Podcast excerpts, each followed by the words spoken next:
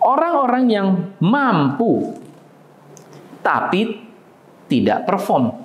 Ini bukan dipindahkan. Bu, jangan dulu dipindahkan. Anda harus coaching dulu.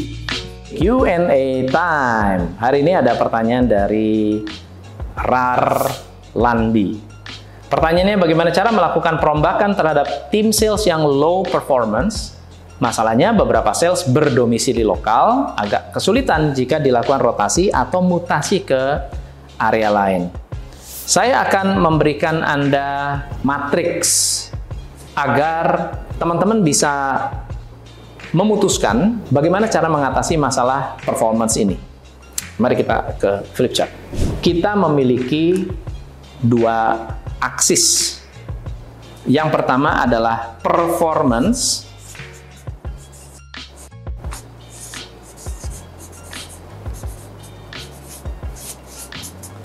Yang ke bawah ini, ini adalah capability. Jadi kemampuan dengan performa. Ini plus, minus, plus. Saya tidak bisa mengatakan bahwa orang yang performance-nya rendah itu harus dipindahkan, dimutasi, atau dipecat. Tergantung apakah orang itu punya kapabilitas atau tidak. Karena bisa saja ada orang yang high capability, low performance. Ini ini high capable ya, tapi low performance. Apa artinya? Orang itu mampu, tapi nggak perform. Nah ini diapain? Ini beda perilakunya dengan orang yang low performance, low capability, low performance. Kalau performance-nya rendah, capability-nya rendah, ini perilakunya beda dengan yang ini. Ya. Yang ketiga, saya punya orang yang performance-nya bagus, tapi nggak bisa dikembangin lagi. Performance-nya bagus, high perform, tapi low capability. Ini ini orang-orang yang ada di sini adalah orang-orang yang bisanya cuma satu. Giliran diminta untuk uh, melakukan hal yang baru, mereka nggak bisa. Disebutnya one trick pony. One trick pony. Bisanya cuma itu. Kalau itu bagus, tapi giliran mengerjakan yang lain nggak bisa. Misalnya bisa jualan, tapi nggak bisa admin. Bisa jualan, kuat jualannya, tapi tidak kreatif. Nah ini perilakunya bagaimana? Jadi disebut performance, kita harus sepakat dan spesifik dulu. Yang mana yang menjadi masalah? Kita tentunya mau punya tim yang high perform, tapi juga high capability. Nah, sekarang mau diapain? Kan gitu pertanyaannya. Low performance, low capability, ya performancenya rendah, tapi kemampuannya juga rendah, ini harus diberi rutinitas.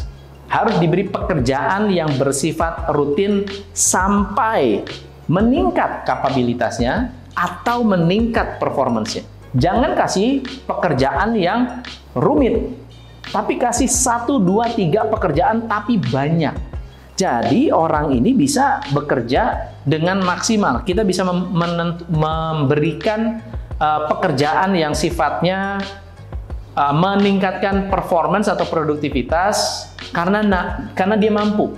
Jadi apa yang paling mampu dilakukan kita berikan pekerjaan yang banyak. Ini sifatnya harus rutin.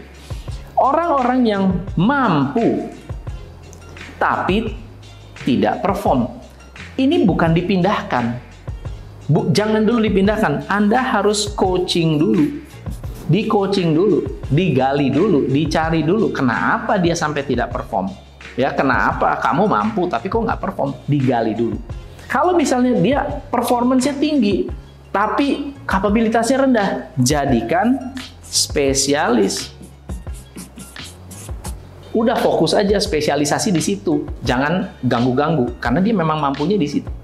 Nah, orang-orang yang high perform dan high capability ini sebetulnya yang sangat-sangat ini yang sering-sering kali kita lupakan. Kenapa? Karena mereka pinter, mereka perform, dicuekin. Padahal seharusnya mereka ini harus diberikan new challenge. Kasih tantangan baru supaya mereka naik lagi performance-nya, naik lagi capability-nya. Bukan soal pindahnya di mana, terserah mau dipindahkannya ke mana, uh, lokal atau tidak, tapi tetapkan dulu mereka ada di kuadran mana, supaya kita tidak salah penempatan orang. Semoga membantu, semoga menjawab. Yang merasa dapat manfaat, say yes, tulis komennya di sini. Dan saya Tom MC Play, salam pencerahan.